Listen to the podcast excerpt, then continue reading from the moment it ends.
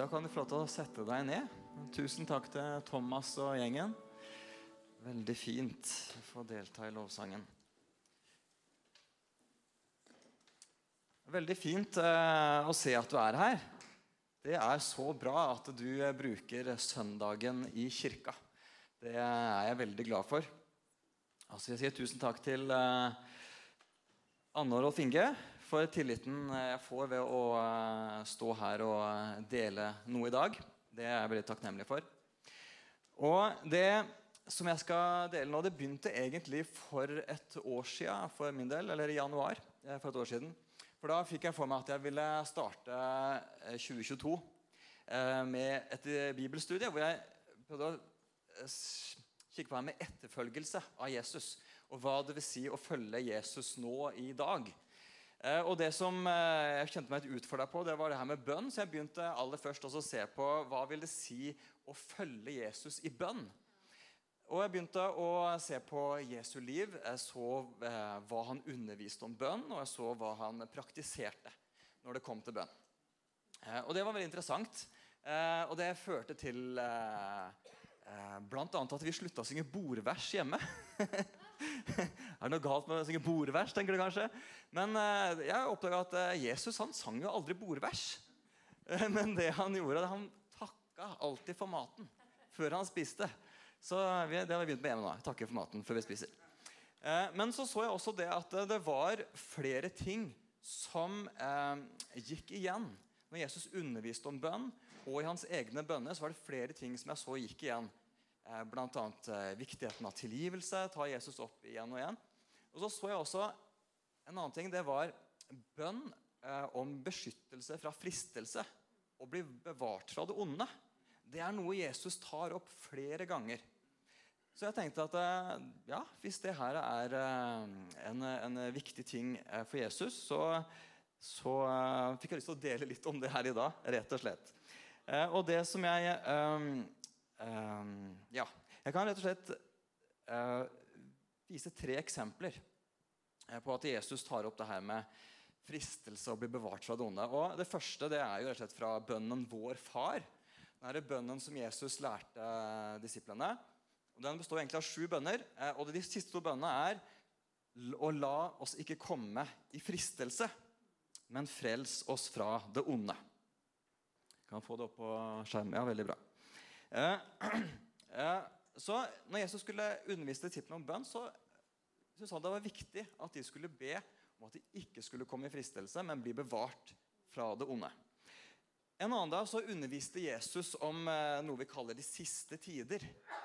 Og på en måte liksom Når det, er verden sånn som vi kjenner den, skal ta slutt da, en gang. Og det skal på en måte kulminere i at Jesus kommer tilbake for å hente de som følger han. Og da sa Jesus, vær på vakt, og la ikke hjertet bli sløvet av rangel og drikk og dagliglivets bekymringer, så den dagen kommer over dere som en snare. For den dagen skal komme over alle som bor over hele jorden. Våk hver tid og stund og be om kraft til å komme velberget fra alt det som skal hende, og bli stående for menneskesønnen. Så Jesus han visste at det å følge han, det kom ikke alltid bare til å bli enkelt. Det ville by på noen utfordringer, så han ville at de skulle be om kraft til å stå og løpe ut og bli stående for menneskesønnen. Og et eksempel til som går litt i samme gata. Det var eh, tid før Jesus skulle lide og dø, og han visste han skulle lide og dø. Og han visste også at Peter, på en måte liksom denne lederskikkelsen blant eh, disiplene, han visste at han kom til å svikte Jesus. da.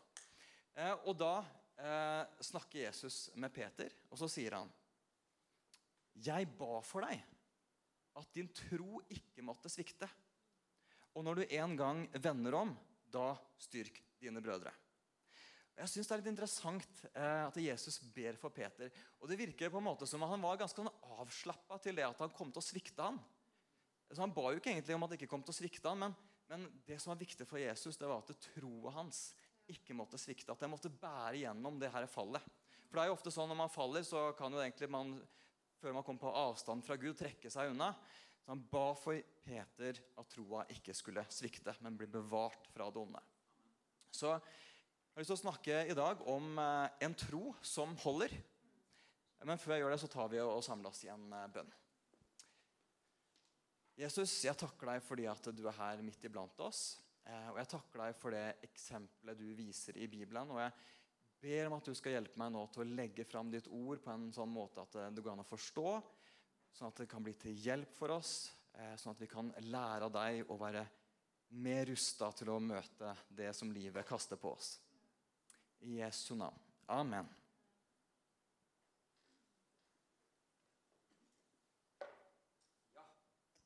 Fristelse det er jo noe som kan komme i ganske mange former. For å ta litt sånn, kanskje litt sånn dagligdags eksempler. da, Så kanskje tenkte du når det nye året begynte, at jeg vil gå ned i vekt. Jeg sier ikke at du trenger å gå ned i vekt, men det kan jo være at du tenkte det. Og så tar du et mål. Nå skal jeg ikke spise søtsaker eh, før, eller fram til sommerferien. Hold meg borte fra søtsaker. Eh, for jeg ønsker å gå ned i vekt. Og så går 1. januar, det går kjempefint. 2. januar går eh, fint. Første uka går fint, og du ser at eh, vekta kryper nedover. Og så kommer du til 10. januar, kanskje.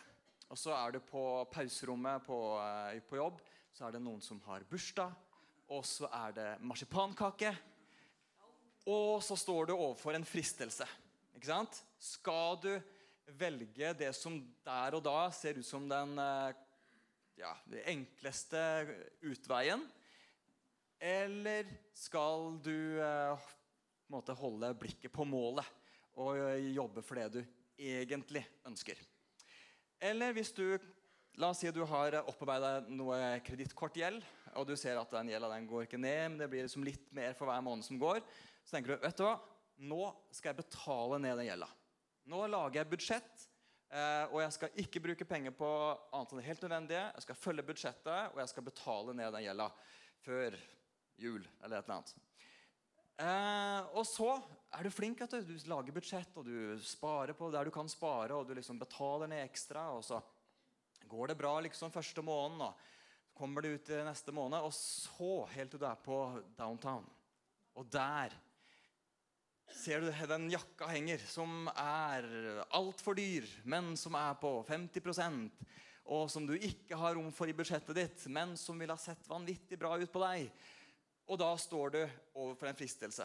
ikke sant? Om du skal gripe til det som gir lykke der og da, eller om du skal fortsette mot det målet som er det du egentlig vil. For Fristelser de har den egenskapen at de vil få oss til å på en måte ta minste motstands vei og kortsiktig vinning i stedet for det vi ønsker oss i livet. Eller det handler om å um, om at du velger det du ønsker eh, nå, framfor det du ønsker aller mest. Og hvis du følger Jesus, opp på kristenliv da, så regner jeg med at du har et ønske om å leve nært til Jesus. Eh, kjenne han, oppleve at uh, han, uh, han, bruker deg, at han svarer dine bønner. ja, At du, du, kan leve nært til Gud. Men så er det sånn at vi kan bli frista til å gjøre feil prioriteringer eller ta valg som på en måte du opplever at det distanserer deg fra Gud og fra fellesskap med andre kristne, og som kanskje til og med kan røve troa fra deg. Og jeg regner med at du, eh, på samme måte som jeg kjenner folk som har levd eh, ivrig og brennende for Jesus en tid, men som kanskje har tatt valg i livet som har gjort at de har fjernet seg fra det kristne fellesskapet og kanskje har mista troa. Og det er kan si, dessverre ikke et nytt fenomen. Allerede i Det nye testamentet så ser vi flere eksempler på at noen levde brennende for Jesus, og så sklei de unna. Og Jeg skal først eh, fortelle to, to, eksempler på det. Og etterpå så skal vi se på eh, det eksempelet som Jesus viser i hvordan man kan bevare en sterk og tro som bærer gjennom livet og gjennom fristelser.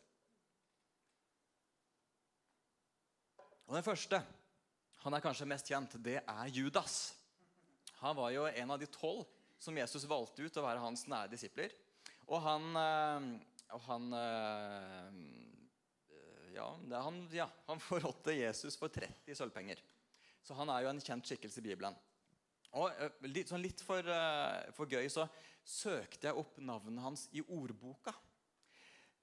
Og der står det at Judas det er et uh, substantiv. Uh, en Judas. Uh, og det bøyer sånn. En Judas, den Judasen, flere Judaser, alle Judasene. Og Opphavet er jo da etter navnet Judas Iskariot, disippelen som forrådte Jesus. Og betydningen av ordet er da en forræder eller en sviker. Og så tenker jeg For et ettermæle å ha! Altså, Det er 2000 år siden han levde. Og fortsatt kan vi slå han opp på ordboka, og så har han blitt definisjonen av å være en sviker. Jeg kan ta det bort igjen nå. Eh, og så tenker jeg Tenk hvilke muligheter han hadde. Han levde tett på Jesus. Gikk man i flere år. Han eh, hørte Jesus forkynnelse. Han så Jesus helbrede de syke. Han var med å mette 5000. Han eh, var der da Jesus gikk på vannet. Og han var jo en av de som Jesus hadde tenkt oss å sende ut til alle folkeslag for å gjøre de til disipler. Men så tok han noen valg da, som eh, førte han til et annet sted. Og det her med at han forrådte Jesus for 30 sølvpenger, det var egentlig ikke noe som kom som lyn fra klar himmel. For det var egentlig et resultat av eh, noen kompromisser da, som han hadde gjort underveis. Noen fristelser som han hadde gitt etter for underveis. Og det ser vi i en historie eh, i Johannes 6. fordi Da er Jesus i et selskap hos Lasarus og Martha og Maria. Og Der skjer det noe interessant. da. Der står det, det Der ble det holdt et festmåltid for ham. Martha vartet opp, og Lasarus var blant, dem som lå til bords sammen med ham. Da kom Maria med et pund ekte, kostbar nardusalve. Og med den salvet hun Jesu føtter og tørket dem med håret sitt. Hele huset ble fylt av duften. Da sa Judas Iskariot, en av disiplene, han som siden forrådte ham, hvorfor ble ikke denne salven solgt for 300 denarer og pengene gitt til de fattige? Dette sa han ikke fordi han hadde omsorg for de fattige, men fordi han var en tyv. Det var han som hadde pengekassen, og han pleide å ta av det som ble lagt i den. Men Jesus sa, 'La henne være. Hun har spart salven til den dagen jeg skal begraves.' De fattige har det alltid hos dere, men for meg, men meg har dere ikke alltid.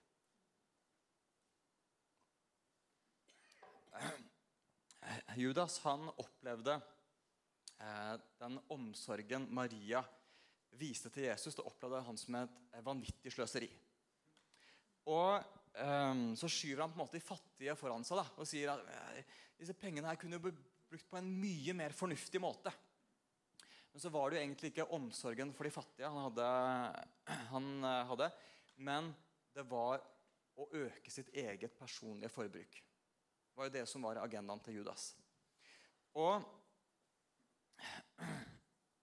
han som tenkte dårlig om Marias offer, han var til slutt villig til å ofre sin egen relasjon til Jesus for å få tilgang til mer penger.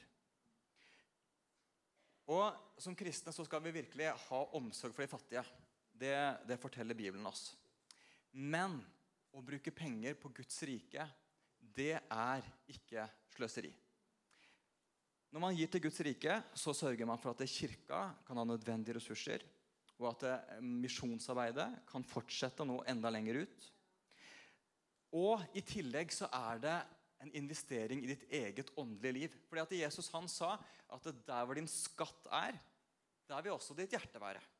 Og jeg tror du har merket at Der du plasserer pengene dine, det får også oppmerksomheten din.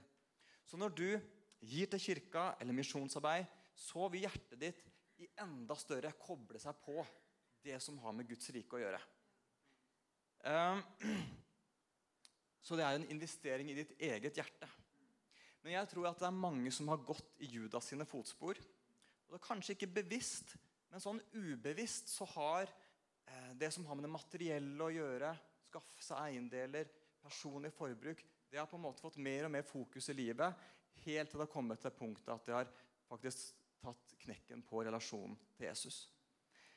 Så ikke undervurder de potensielle konsekvensene hvis penger får en feil plass i livet ditt.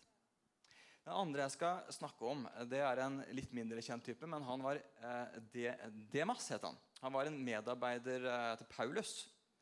Og eh, I flere av brevene sine så omtaler eh, Paulus eh, Demas. Og Nå skal vi se på de eh, eksemplene. I Kolosserne 4 så står det Lukas, vår kjære lege, hilser dere. Demas også. Det var ikke så mye mer å si, si om han der og da. Eh, Filipperne 1. Epafras, min medfange for Kristi Jesus skyld, hilser deg. Det samme gjør Markus, Aristarkos, Demas og Lukas, mine medarbeidere. Men så skal eh, Paulus skrive til eh, Timotius. Og Da virker det som han er litt sånn desperat etter at Timotius skal komme.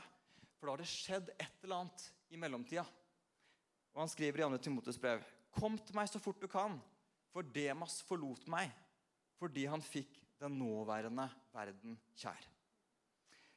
Og tenker På samme måte som eh, Judas, da, som levde tett på Jesus, så Demas han var jo medarbeider med Paulus. Altså, For et rått liv! Og for, for en mulighet han hadde til å ja, Bare se det for deg. Han fikk være Paulus sin medarbeider. Men så gikk det så galt. Og vi vet jo ikke hva som skjedde med han. Eh, kanskje hadde han sett for seg at det skulle bli mye enklere. At han tenkte at nå skal vi ut og forkynne evangeliet. Og, og folk kommer liksom til å, å, ta imot Jesus, og det skjer store ting. Og så opplevde han at det, det var mye motstand. Folk var negative. ikke sant? Det var ikke alle som ville ta imot. Og de snakka dårlig om eh, Paulus. De motarbeida Paulus. Eh, og han skjønte at det er jo ikke mye penger enn jobben her. Vi må tåle ganske mye, men eh, hva, hva, er som framtidsutsiktene? Eller eh, kanskje mista han litt sånn fokus etter at den første begeistringen for Jesus hadde lagt seg. Og så begynte han liksom å få oppmerksom på alle andre ting i livet som frista mer. Eller kanskje ble han desillusjonert etter at Paulus havna i fengsel. Og så tenkte han det var ikke det her jeg hadde sett for meg. Og så drifta han bort og havna på et annet sted. Så vi har sett I Bibelen så er det flere mennesker som forlot Jesus. Og du kjenner sannsynligvis noen som har forlatt Jesus. Men hvordan kan vi bevare en tro som holder gjennom fristelser, holder gjennom motgang, og som holder gjennom livet? Og Da skal vi se på det, det største forbildet vi har. Det er Jesus. Og Jesus han opplevde to sånne hva skal jeg si, massive fristelser, i hvert fall som jeg har på en måte identifisert i Bibelen. Og Vi skal se på de her to opplevelsene og hva det er som gjør at Jesus holder seg så sterk og kommer gjennom det. For Han var også et menneske. Han var, han var Gud, men han var også et menneske.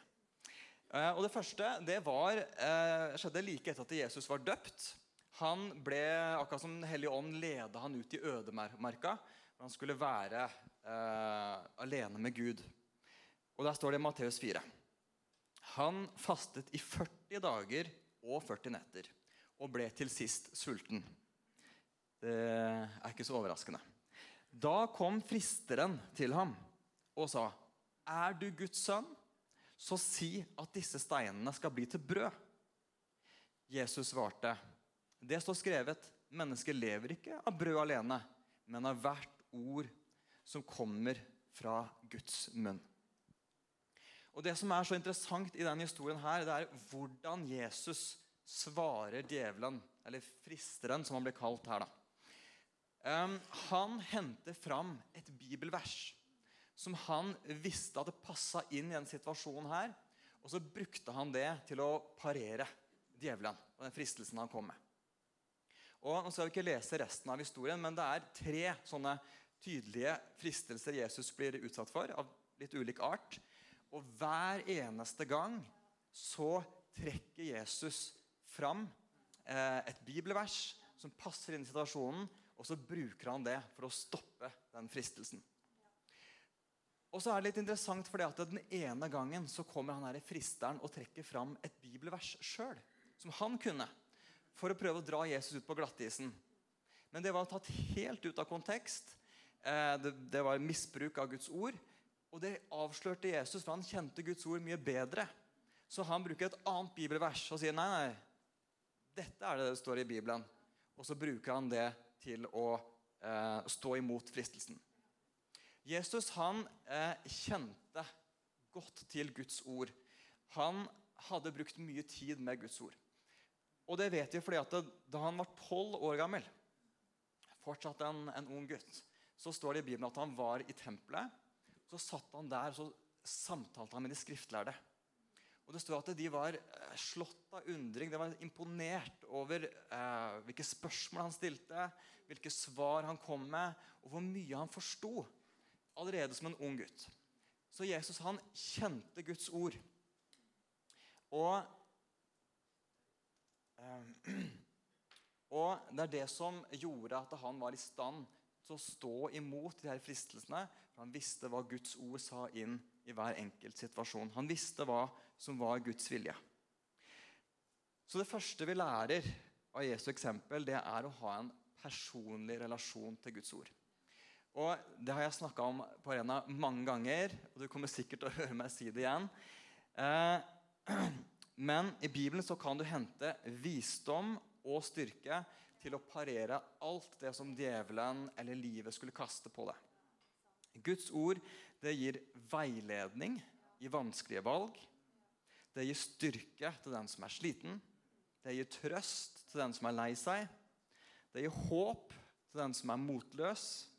Det gir rettledning til den som er på feil vei. Og jeg tror det er kjempebra med gudstjenester og høre på taler. Jeg tror det er veldig fint å, være på YouTube og høre på taler der, eller å høre på podkaster med bibelundervisning. Kjempefint. Men jeg tror ikke det kan erstatte det du får ved å sjøl bruke tid i Guds ord på egen hånd.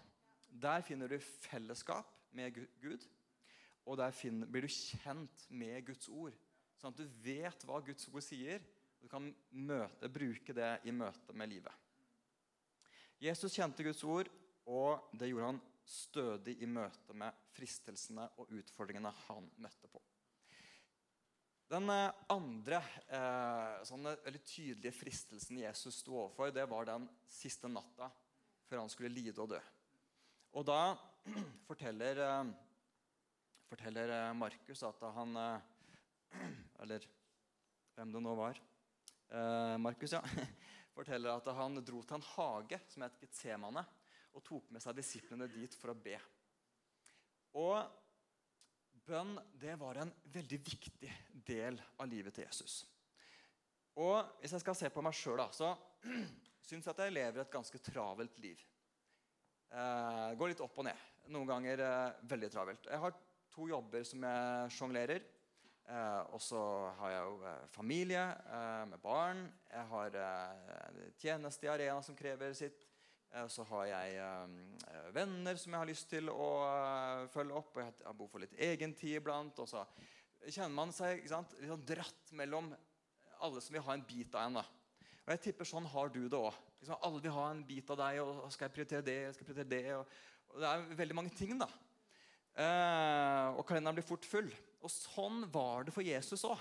Det var liksom hele tida et renn av mennesker som ville ha en bit av Jesus. Så Derfor så ser du at Jesus må kjempe seg til den tida alene med sin far. Og Vi kan lese flere ganger at Jesus måtte stå opp tidlig eller legge seg seint for å få litt tid alene med Gud. Men han prioriterte det. Eh, og vi kan, Det kommer ikke på skjermen, akkurat det her. Jeg skal lese noen eksempler. Nå er det sånn bibelbombing. Nå kommer det bare masse bibelvers som sier egentlig det samme. Markus 1. Tidlig neste morgen mens det ennå var mørkt, sto Jesus opp, gikk ut og dro til et øde sted og ba der. Lukas 5. Men ryktet om ham spredte seg bare enda mer, og store flokker strømmet til for å høre ham og bli helbredet for sykdommene sine. Men selv trakk han seg ofte tilbake til øde steder og ba. Lukas 6. På denne tiden gikk han en gang opp i fjellet for å be, og hele natten var han der i bønn til Gud. Matteus 14. Straks etter fikk han disiplene til å gå i båten og dra i forveien over til den andre siden, mens han selv sendte folk av sted. Da han hadde gjort det, gikk han opp i fjellet for å være for seg selv og be. Og så har jeg tenkt på hva var det Jesus brukte den tida med Gud i bønn på? Eh, og det får vi ikke sånn veldig innblikk i.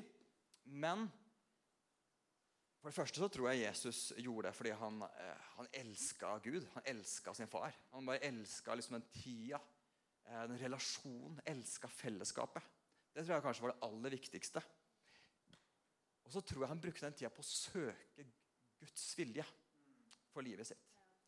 Og grunnen til at jeg tror det, det er fordi at en dag så sa Jesus at altså, jeg kan ikke gjøre noe av meg selv, bare det jeg ser min far gjøre. Og det min far gjør, det gjør jeg også. Så jeg, jeg, tror at Jesus på en måte trengte seg som nærme sin far. og okay, hva, er, hva, er, neste steg nå? Hva skal jeg gjøre? Hva er din vilje for meg?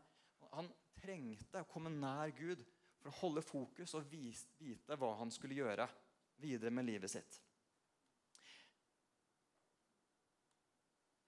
Og Det merker jeg sjøl òg i eget liv. Hvis det er vanskelige valg jeg skal ta, trenger jeg å be. Og når jeg ber, så merker jeg at liksom fokuset klarner. Og så er det lettere å forstå hva som er lurt eller rett å gjøre. Um, så det er akkurat som Jesus Jeg ser for meg at Jesus ikke kom liksom med hele bønnelista si, men han, men han trengte liksom å komme nær Gud, ha fellesskap med han og kjenne hans vilje. Og så har jeg sett på hva Paulus ber om. Og Det går egentlig litt sånn i samme tråden. fordi at Når han starter brevene sine, så skriver han at han ber for de som han sender eh, brevet til. Og så kan vi lese hva det er Paulus ber om. Og Nå blir det litt sånn bibelbombing igjen, men nå kommer det faktisk opp her også.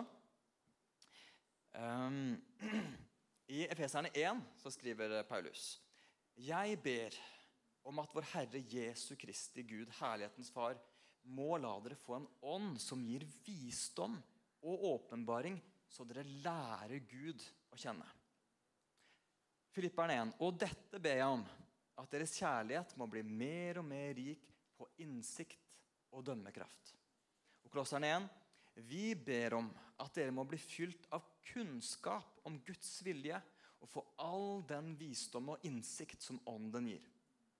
Og Filemon 1,6.: Jeg ber om at den tro du har felles med oss, må være virksom og gi deg større innsikt i alt det gode vi har i Kristus.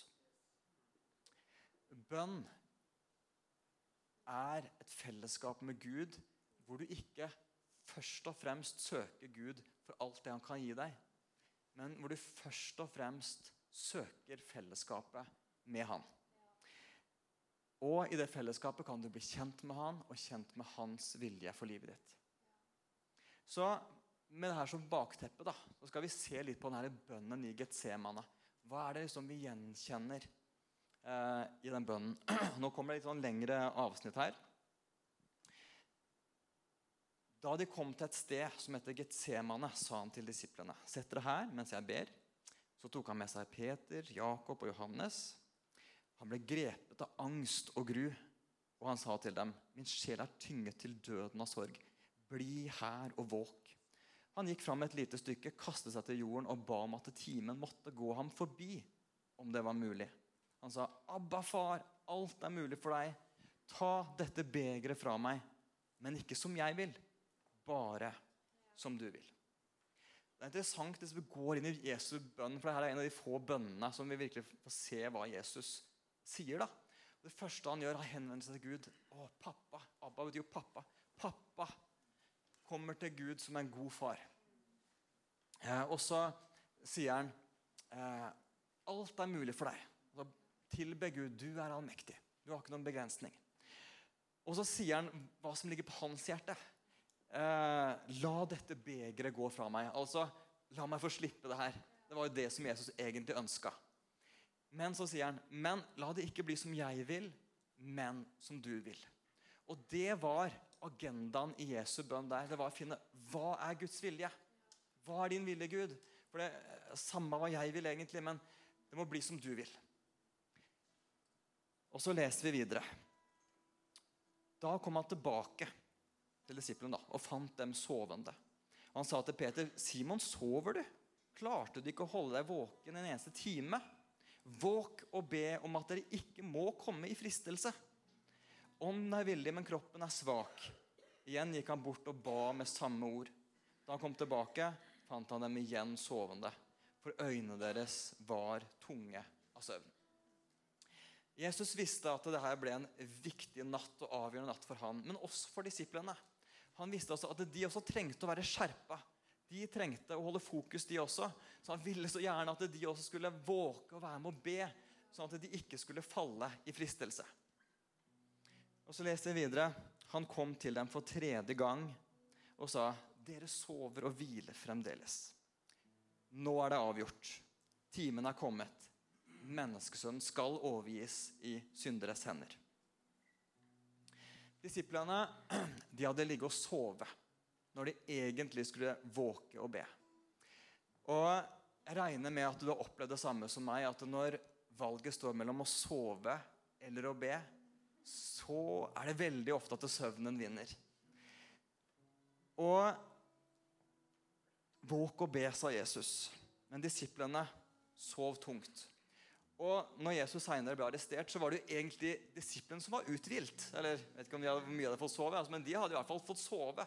De var jo uthvilt. Jesus hadde vært våken hele tida. Men det var de som falt, alle sammen. Og de flykta alle sammen. For de var ikke skjerpa, de var ikke åndelig fokusert. Men Jesus, som hadde hatt våkennatt, han var åndelig skjerpa. Og han var klar til alt som eh, skulle møte han. Eh, og jeg syns det er så bra det siste Jesus sier. Nå er det avgjort. Altså Han hadde søkt Gud i bønn. Hva er din vilje, Gud? Og så har han skjønt det er Guds vilje at jeg skal lide og dø for alle menneskers synder og bringe en evig frelse. Og så sier han nå er det avgjort. Nå visste han hva som var Guds vilje, og da var han klar til å gjennomføre den. Og Det var ikke ti ville hester som kunne rive Jesus ut av den planen. Han hadde vært innenfor Gud i bønn og han visste hva som var Guds vilje for ham. Jesus, Hva kan vi lære av Jesus?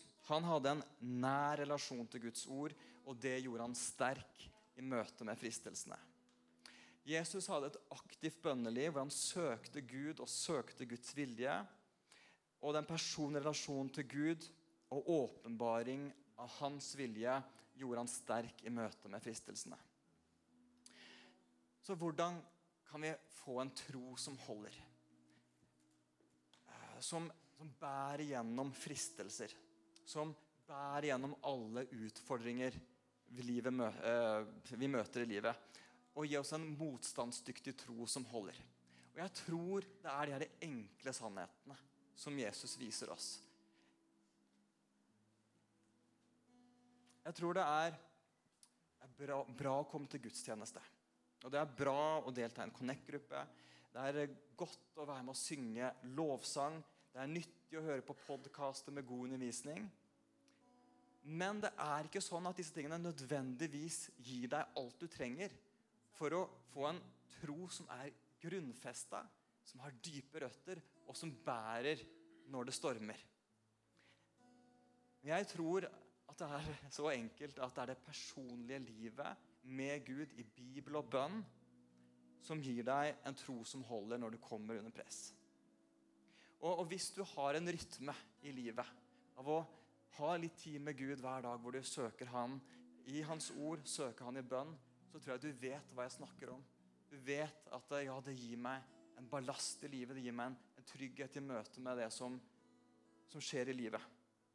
Og hvis du ikke har en sånn rytme i livet, så vil jeg invitere deg til å søke Gud i det skjulte hver dag. Og Så skal jeg avslutte med et bibelvers som Matteus eh, nei, ikke sånn som, som Jesus har lært oss. I Matteus 6,6 så står det Men når du ber, skal du gå inn i rommet ditt og lukke døren og be til din far som er i det skjulte. Og din far, som ser i det skjulte, skal lønne deg tar vi ber sammen. Jeg takker deg, Jesus, for de her sannhetene som du viser oss. Om hvordan vi kan få en eh, tro som holder. Og Jeg takker deg, Jesus, fordi at eh, du ønsker å møte oss når vi søker deg i det skjulte. Takk fordi at eh, du vil lønne oss når vi kommer inn for deg. Takk for din godhet. I Jesu navn. Amen.